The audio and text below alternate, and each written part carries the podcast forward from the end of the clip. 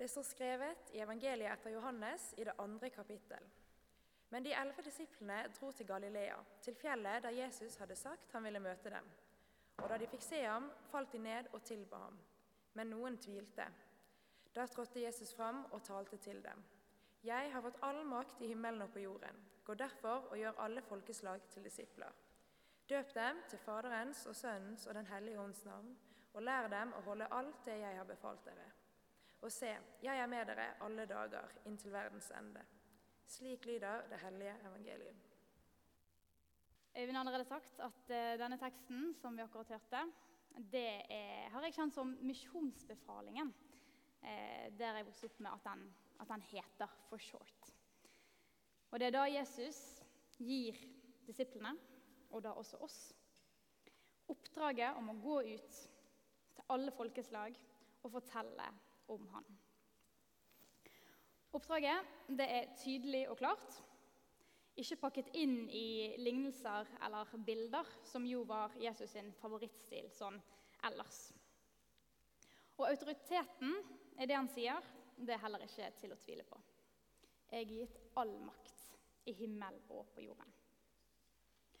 Så det er kanskje ikke så rart at denne teksten eller dette utsagnet har fått så stor betydning som han har gjort innenfor kristendommen, men også innenfor verdenshistorien.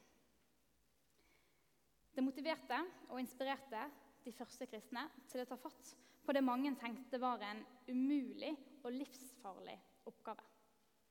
Å evangelisere i et hett politisk klima.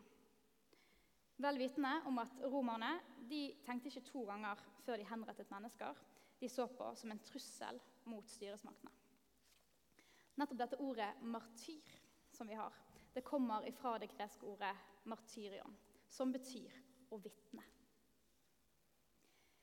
De første 200 årene de var beinharde. Likevel så fortsatte antall kristne i Romerriket å vokse mot, mot alle odds. Og En av grunnene til det det har historikerne funnet ut av, var fordi de tok seg av hverandre og spesielt de svake, kvinner, syke og barn, som resten av samfunnet ellers ville ha lite med å gjøre. Så Når vi i dag snakker om eh, diakoni, Kirkens omsorgstjeneste, så er det med tanke på de første kristne og hvordan de levde. Det at de var villige til å risikere så mye for saken og fortelle om en mann, denne snekkeren fra Nasaret, det har jeg mange ganger tenkt på at det sier mye om hvor overbevist de må ha vært om at dette var legit. De hadde erfart noe som hadde satt så dype spor at det ikke var noen vei tilbake. Selv døden kunne ikke tie dem.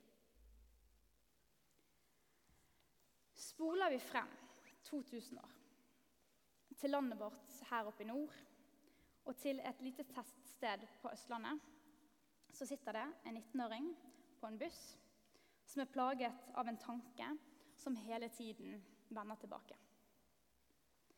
At for hver samtale som finner sted uten at han aktivt jobber for å føre mennesker til tro på Jesus, så er det flere som går tapt.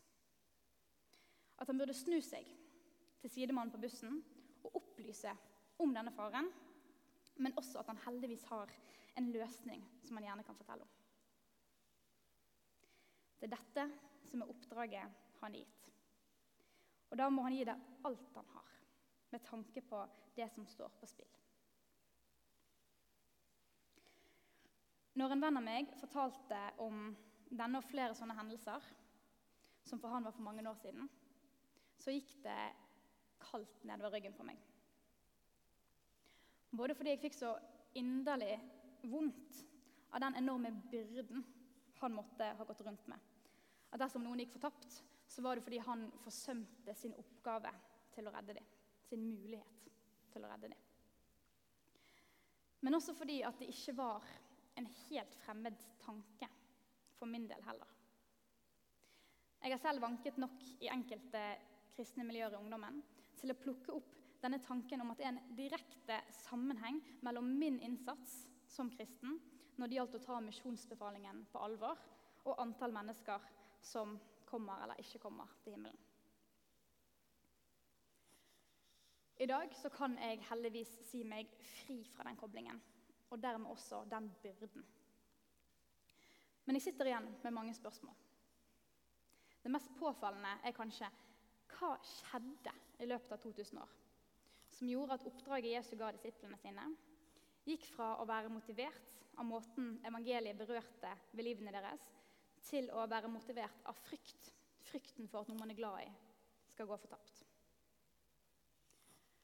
Jeg tror ikke det går an å svare på det spørsmålet uten å gå inn i en serie med forelesninger om kristendommens utvikling i Nord-Europa, hvor særlig pietismen blir viet mye plass.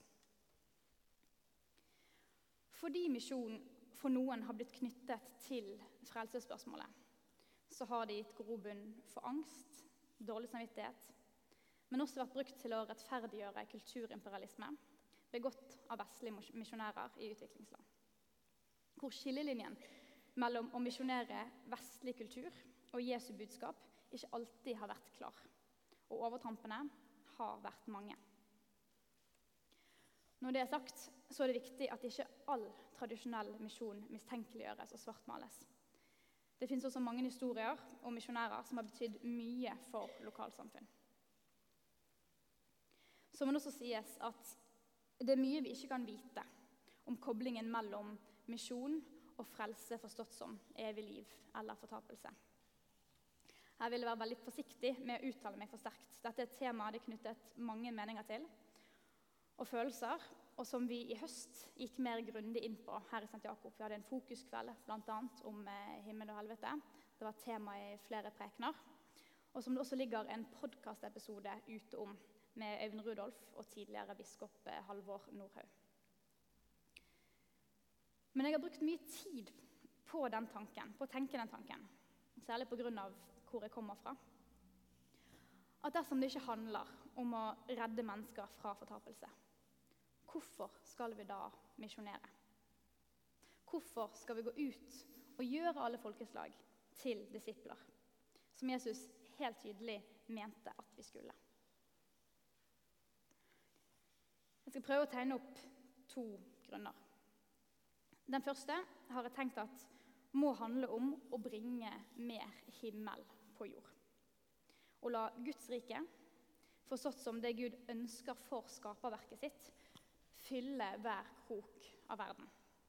Det vil si en verden uten krig og uten hat. Uten fattigdom og sult. Hvor de siste skal bli de første, og hvor alle mennesker lever i den relasjonen til Gud vi var skapt for å leve i.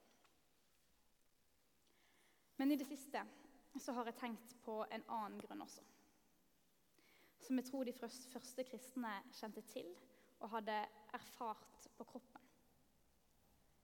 Som ikke handlet om en slags magisk løsning på alle livets utfordringer, bare man kom til tro. Slik det til tider også har blitt framstilt i noen kristne sammenhenger. Nei, heller tvert imot. Livet ble jo som regel vanskeligere for de første kristne. Så hva var, hva var tiltrekningen? Jeg tror at det kan handle om at det er noe, det er noe enormt tiltrekkende og forløsende med å bli fortalt sannheten om seg selv og om verden. Om noen skrudde på NRK2 denne uken, så ville man sett mange kjente og mindre kjente personer i Norge lese høyt fra den helt ferske rapporten fra Sannhets- og forsoningskomiteen om fornorsknings, fornorskningspolitikken og urett begått overfor samer, kvener, norskfinner og skogfinner. Rapporten var på over 700 sider og tok 37 timer å lese. De kalte innslaget for 'Norge lytter'. Og Det var Stortinget som i 2018 satte ned denne sannhetskommisjonen. Og det at det blir kalt det at det i det hele tatt blir kalt for en sannhetskommisjon, det sier noe om at det er noe helt nødvendig og forløsende med sannheten. I selve rapporten så kom det ikke frem noe sjokkerende eller noe nytt.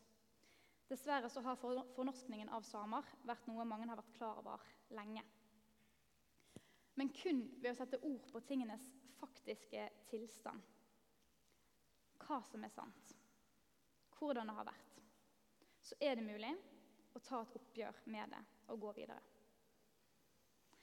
Det samme kan sies om biskopene her i landet sin felles erkjennelse og beklagelse som kom i fjor. For smerten Den norske kirke har påført skeive gjennom tidene.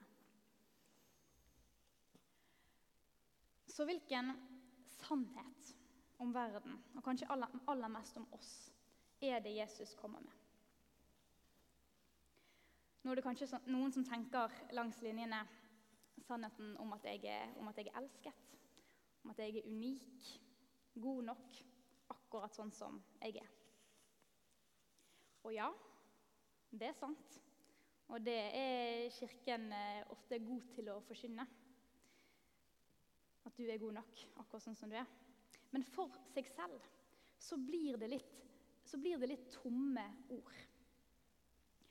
Det er sannheten om de mindre flatterende sidene av det å være menneske jeg tror er det som oppleves som befriende. At vi skader de rundt oss med våre ord og våre handlinger.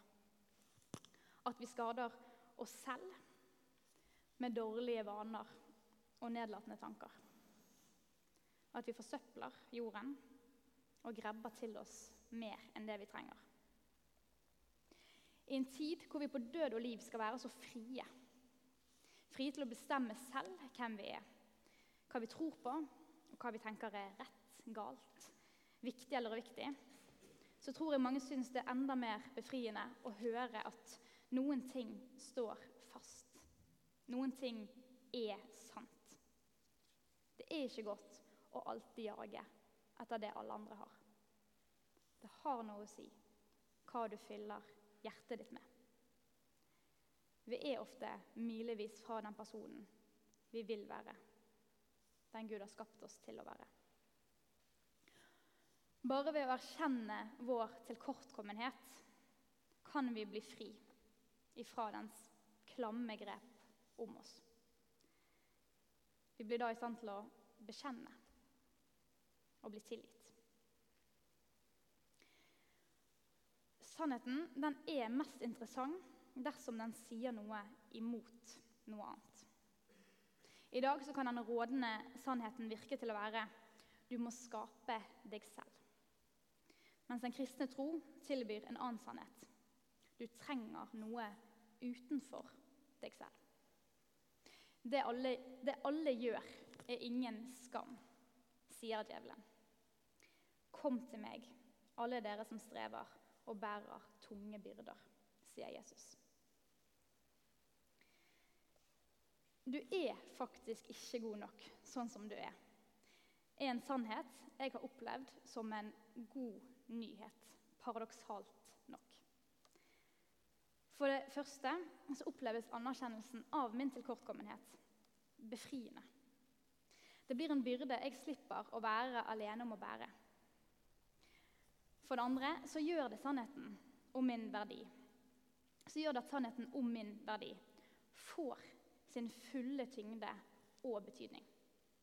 At på tross av våre tilkortkommenheter så er vi Guds elskede barn.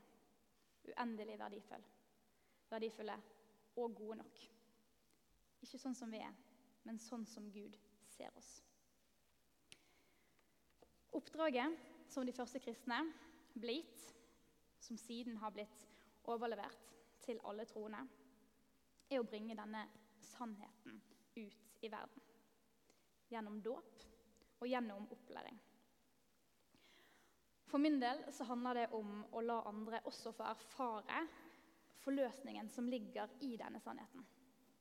Sammen med tilliten til Jesus sin lovnad om å være med oss alle dager inntil verdens ende.